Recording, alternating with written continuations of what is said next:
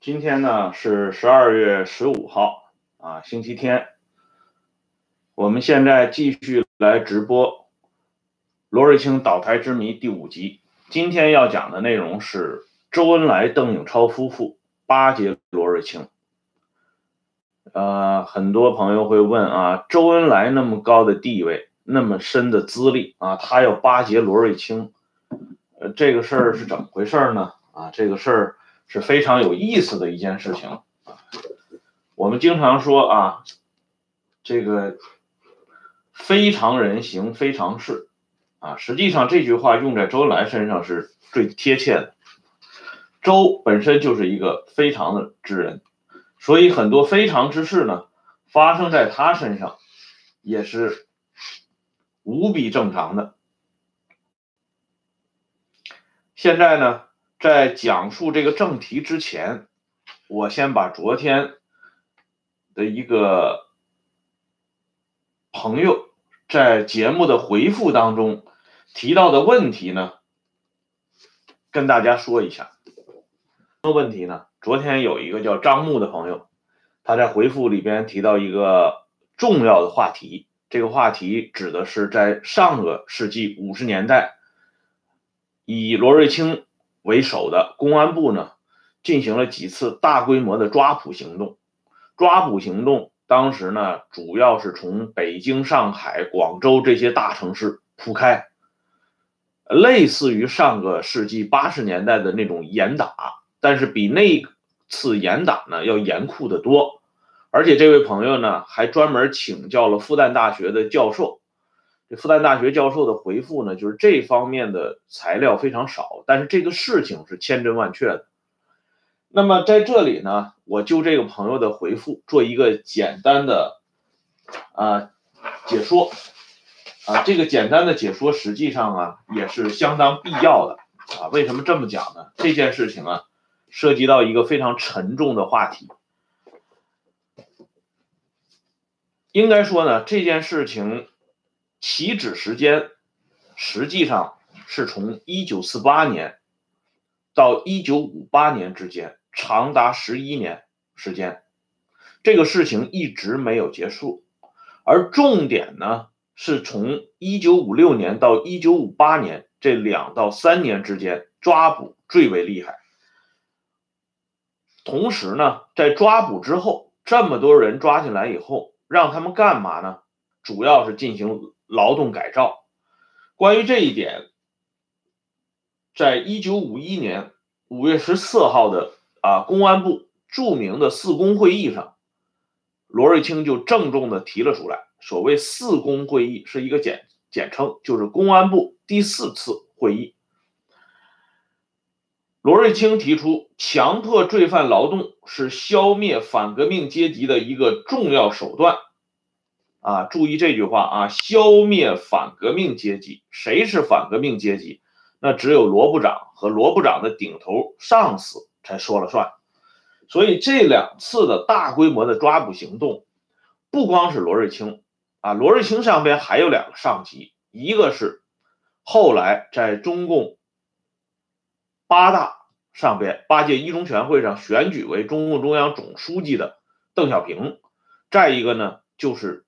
担纲中央政法工作的彭真，也就是说，邓小平、彭真、罗瑞卿三个人直接对伟大领袖负责，由伟大领袖亲自部署，由啊，谢谢贺先生打赏啊，由这三个人三驾马车亲自来主抓，抓来的人进行劳动改造啊，劳改这个东西在今天说起来啊，我们四十岁以上的朋友们应该脑子里都有点印象。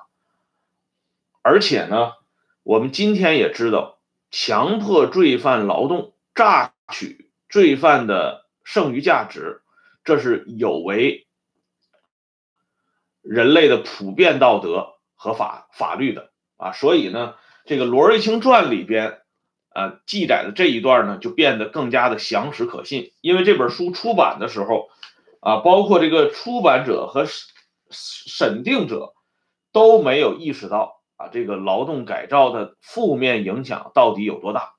所以在这本书当中呢，他是把这件事情作为罗瑞卿的功绩加以歌颂。而这个具体到这几次大规模的抓捕行动进行劳改的数量呢？公安部自己有一个官方数字啊，叫百分之六十一啊，抓进来的人百分之六十一进行劳动改造。而这个劳动改造是什么概念呢？我们要给大家展示一本非常好看的书，这本书是由公安部自己啊自行审定公开出版的。你看，主编就三个人，题字呢是彭真亲自题的。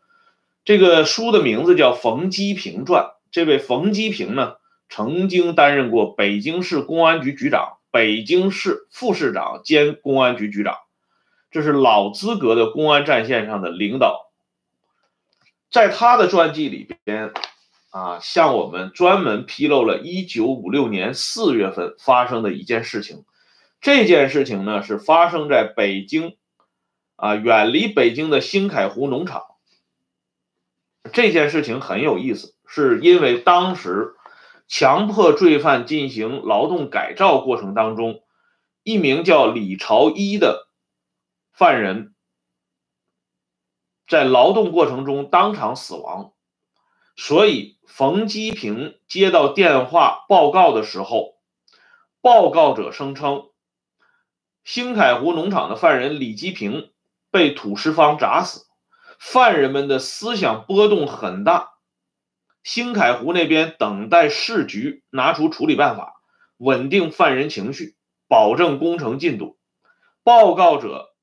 在报告这些内容的时候，情绪也非常激动，可见这个事态呢，已经到了一个非常危险的边缘啊！记住这句话，犯人们思想波动很大，这话形容的非常漂亮啊，但实际上说明现场很多人已经鼓噪要搞过激行为了。而这个时候呢，我们的北京市副市长兼市公安局局长冯基平同志是怎么说的呢？冯基平说。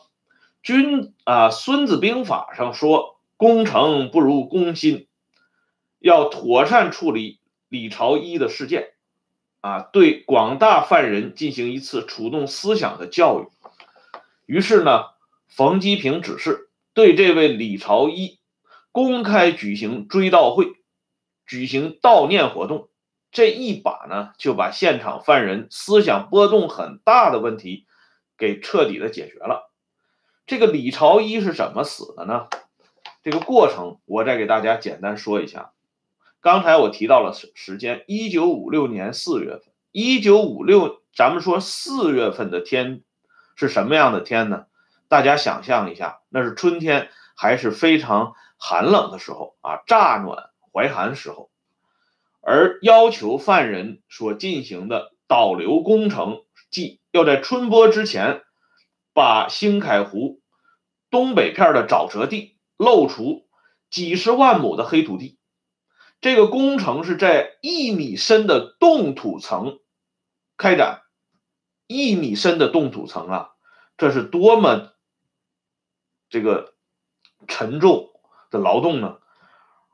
而四月初呢，才刚刚化冻，李朝一这些人是怎么劳动的呢？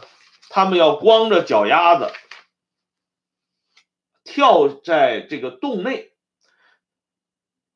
站在冰冷的水中，往洞口传递工具。就在这个时候呢，壁土突然间出现大面积的坍塌，李朝一呢被活活的埋死啊，就是活埋了，然后这人窒息死亡。这么一件大事，也同时告诉我们，这个所谓的劳动改造到底是一种什么样的方式。因为当时公安部啊，特别是罗瑞卿传递和传达伟大领袖的指示，那就是一个不杀，大部不抓。所以外界再发生质疑，人家基本是做到了啊，我没有杀这些人呢，我也没有抓他们，我只不过是给他们进行劳动改造而已。这个李朝一呢，就这么悄无声息的啊被搞掉了。可是呢，这里我想举的一个例子是什么呢？对待中国自己的劳改犯是这么一个状态。那么，一九五一年一月九号，罗瑞卿罗部长得知日本战犯原日军六十三师团中将师团长岸川健一患扁桃腺炎，你采取手术治疗。罗瑞卿即刻写了一份报告，递交给当时的总理周恩来，那个时候叫政务院总理。一月十二号啊，一月九号，罗瑞卿递的报告。一月十二号，周恩来即指示啊，对这次手术啊要举一反三，各地对在押之战犯应经常注意其健康。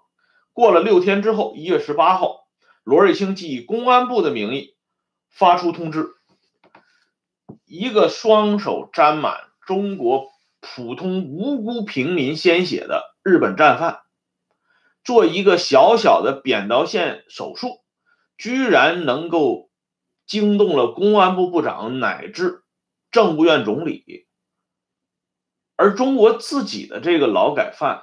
他犯的罪再大，能赶过日本战犯吗？赶不上啊！就这位提到的这位日本战犯中将师团长，他所属的师团这暗川师团，直接杀害中国军民达七万余人。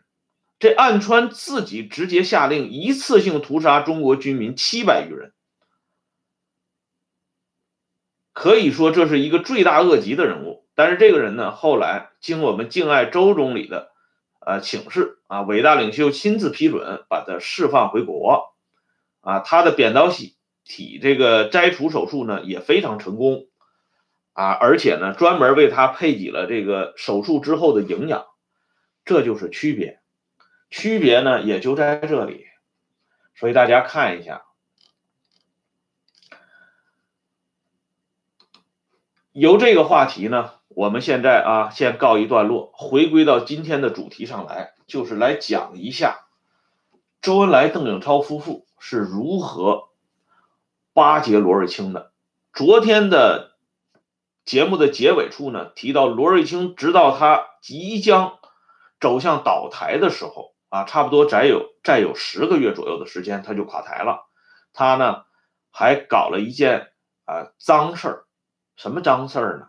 就是在一九六五年二三月间，就是春天的时候，他到福州军区去视察工作。到了福州军区以后，当时的福州军区副司令员皮定均中将啊亲自陪同接待。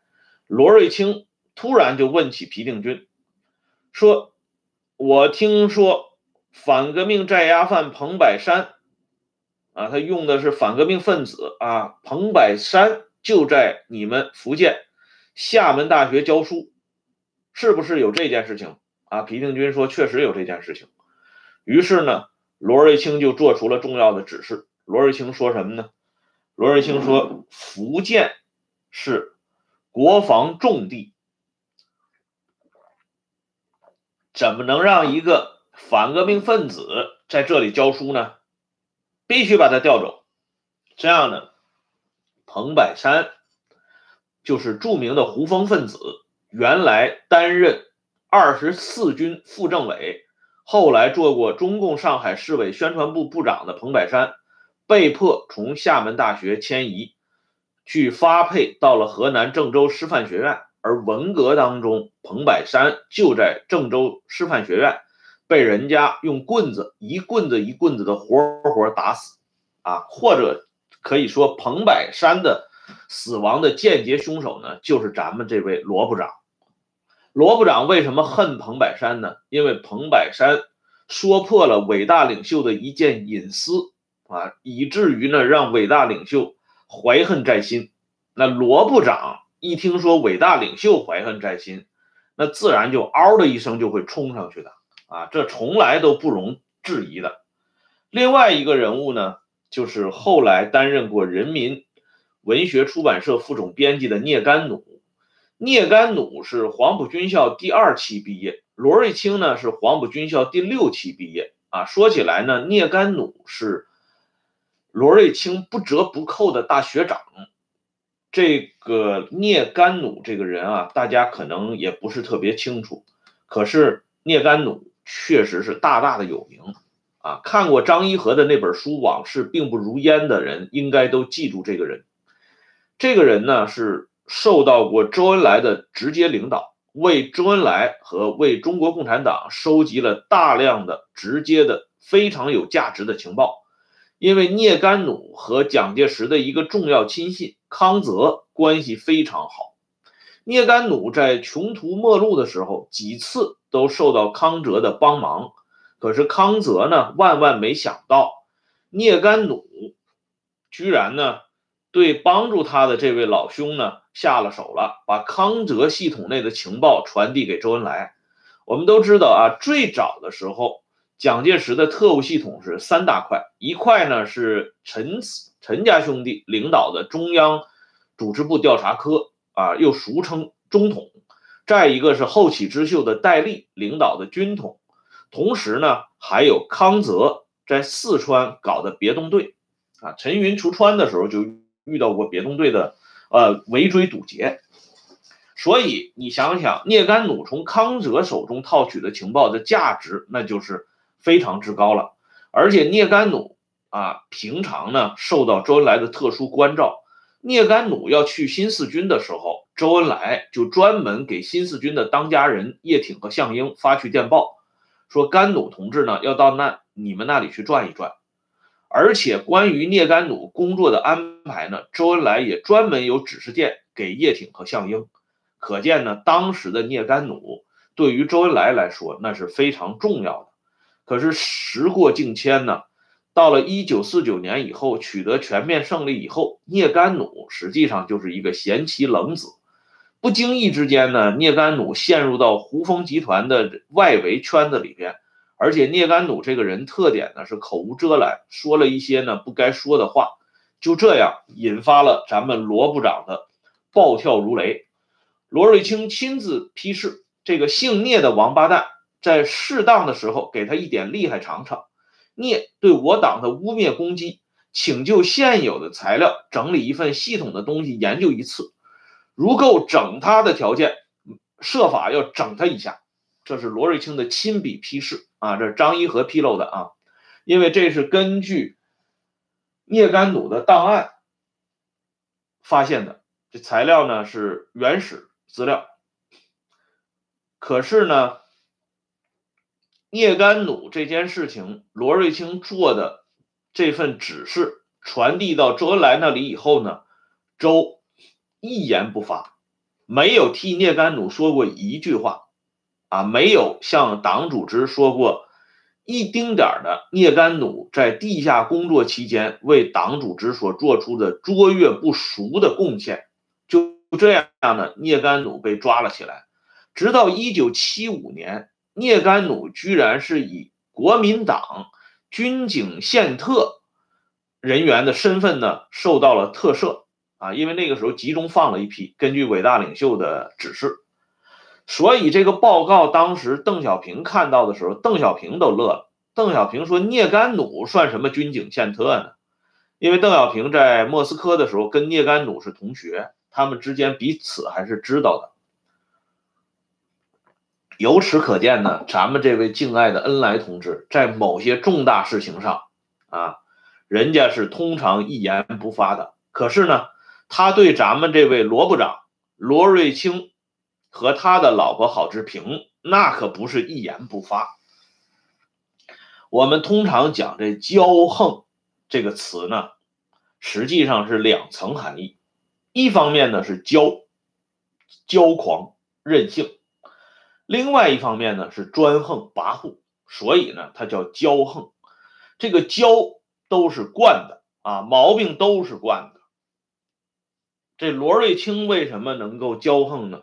那都是这些领导人惯的。其中呢，首推咱们伟大领袖，其次呢是咱们的林副统帅，第三位就是我们的恩来同志，第四位呢是我们敬爱的朱老总，第五位呢。是我们意气风发的叶剑英叶帅，就这五位是前五名，专门惯着罗瑞卿的。咱们先讲一下恩来同志是怎么惯着罗瑞卿的。大家注意一点啊，凡是我们伟大领袖非常喜欢的人啊，恩来同志呢都是要想方设法的同他进行接触，而且呢无微不至的关照他和他的一家人。罗瑞卿在这方面呢受到恩来同志的关照就特别多。我们都知道，周恩来呢具体负责外交工作，那他怎么关照这罗部长呢？罗宇有过一个回忆啊，罗瑞卿的这个宝贝儿子罗宇的一个回忆非常有意思。他说呢，有一次啊，周恩来专门提出来向中央打报告，这是正式的报告啊。他说建议中央委派陈毅的夫人张倩。啊，这里顺便说一下，陈毅和他的老婆张倩能够结婚，全拜刚才我提到的那位聂甘弩所赐。聂甘弩是陈毅和张倩之间的红娘啊，可是呢，就这么稀里糊涂让人给抓起来。周恩来的报告是建议中央委派张倩和罗瑞卿的夫人郝志平担任和承担陪同国宾夫人的工作。在打这份报告之前呢，我们知道啊，周恩来专门派咱们邓大姐到家里做郝志平的工作。郝志平不愿意抛头露面，郝志平的理由是人家都是总统夫人啊，我不过是一个部长夫人，去也不合适。这个时候呢，邓大姐确实厉害，邓大姐就是左说右说，一看怎么办呢？工作做不通。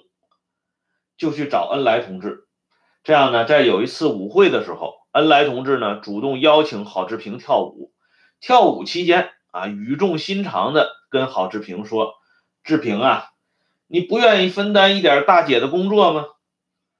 这郝志平说：“那人家是总统夫人呐，我去不合适啊。”周恩来说什么呢？周恩来说：“我说合适就合适啊，这件事情就算大姐和我求你了。”求你了，你想想，那郝志平还不立马就跪了？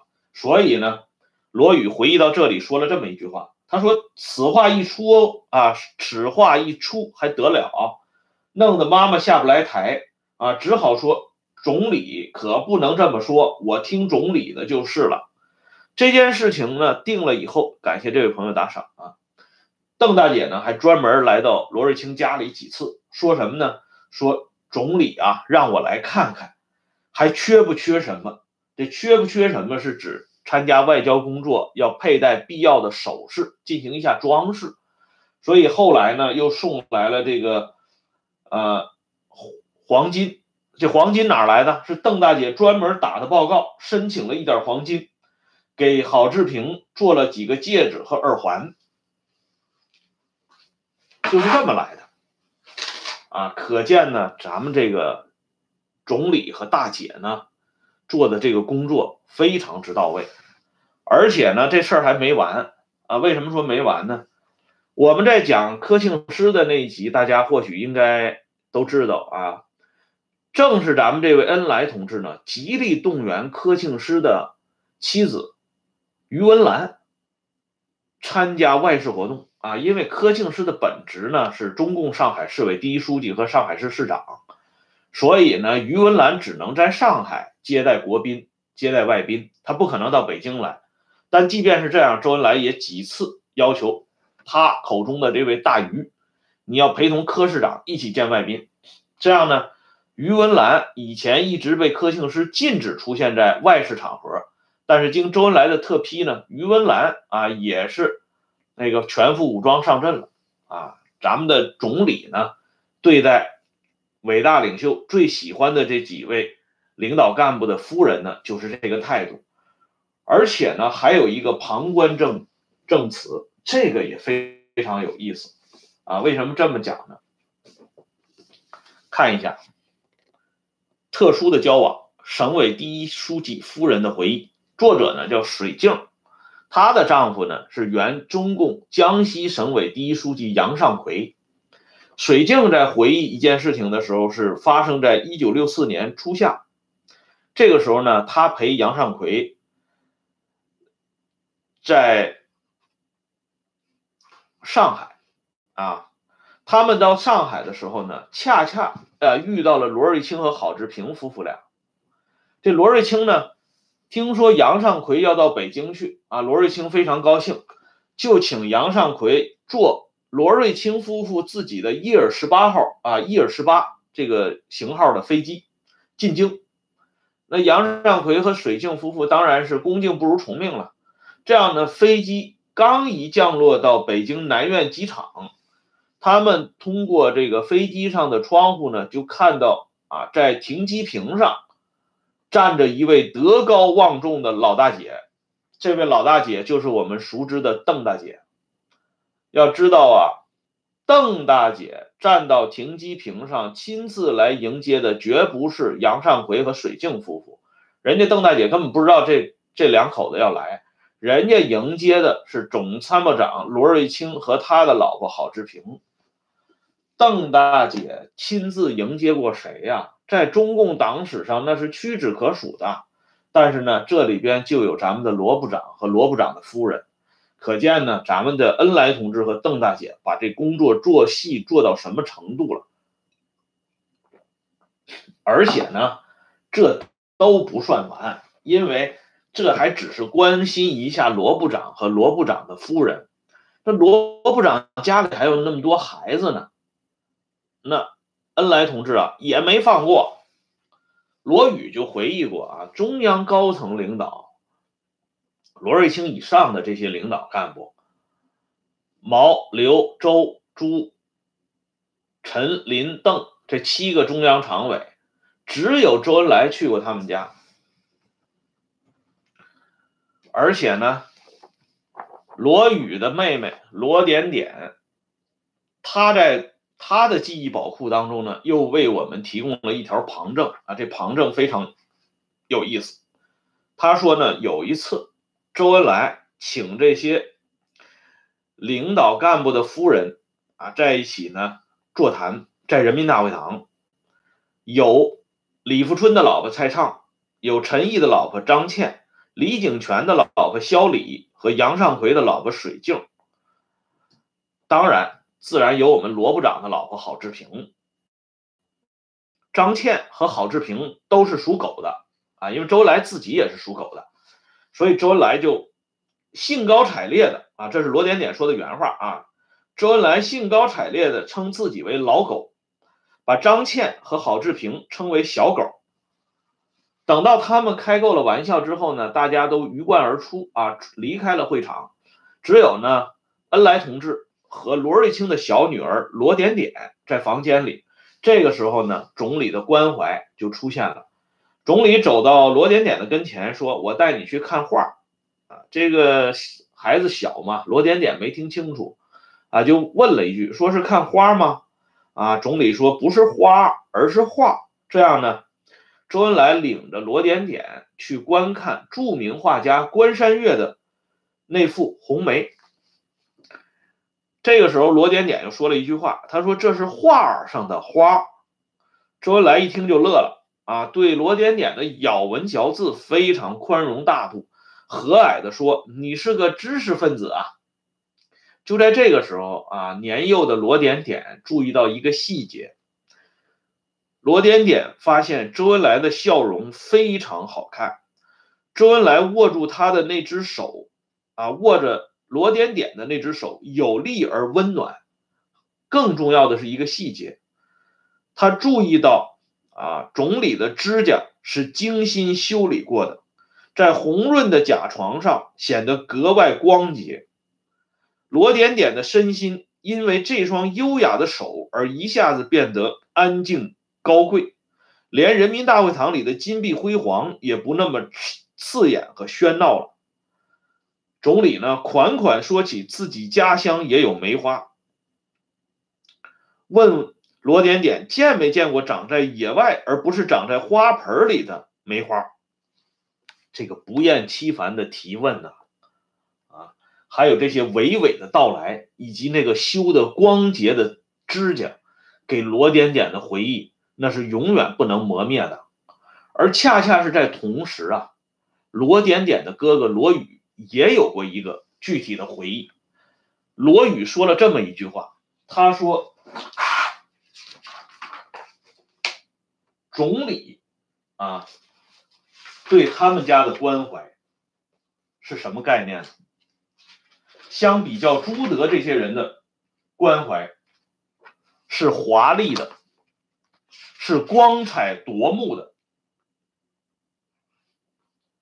这句话，我认为说的是非常到位啊。他的原话是这么说的：他说，朱老总的亲切是憨厚，周恩来的亲切是华丽、光彩夺目，有时让人应接不暇，手足无措。应该说呀，这罗宇和罗点点这兄妹俩局部的继承了罗瑞卿的一一定程度上的基因。这两个人写的回忆录呢，文笔还是相当不错的，而且往往有画龙点睛之笔啊。这点呢，深得罗瑞卿的真传。罗瑞卿的文章写的也非常漂亮。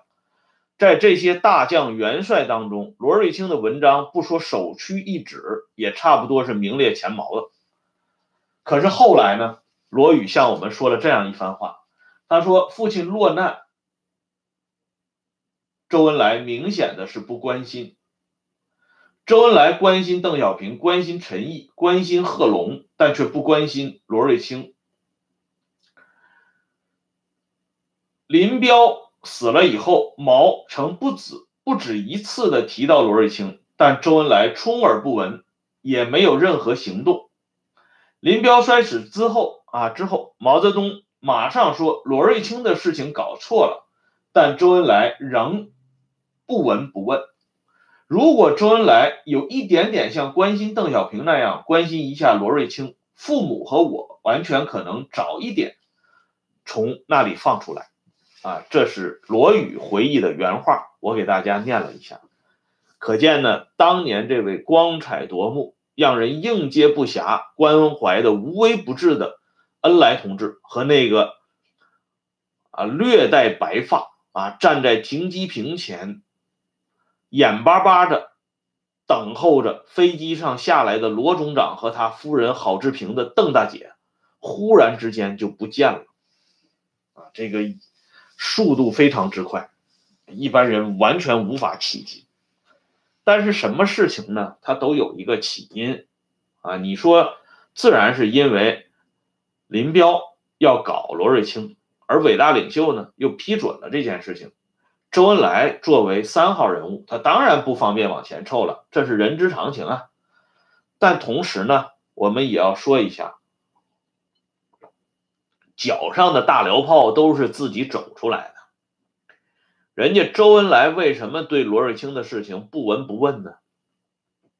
罗宇只说对了一部分，啊，就是说对了什么呢？说对了事实啊，周恩来确实不闻不问。但是这个原因呢，绝不是罗宇所说的什么土豹子和洋豹子之间的隔膜和隔阂，而是另外有两层非常重要的原因。我不知道啊，是罗宇老先生没看出来呢，还是故意人家没有点破？不过呢，我们这个节目要做一个简单的铺陈，那就是说，罗瑞卿在一次随随便便的谈话当中，无意中让咱们邓大姐下不来台。啊，这件事情是怎么发生的呢？它的来龙去脉是怎么一个过程呢？我们明天接着给大家讲。今天的节目呢，先说到这里，感谢朋友们的打赏，感谢朋友们上来收看和收听，我们明天接着聊，再见。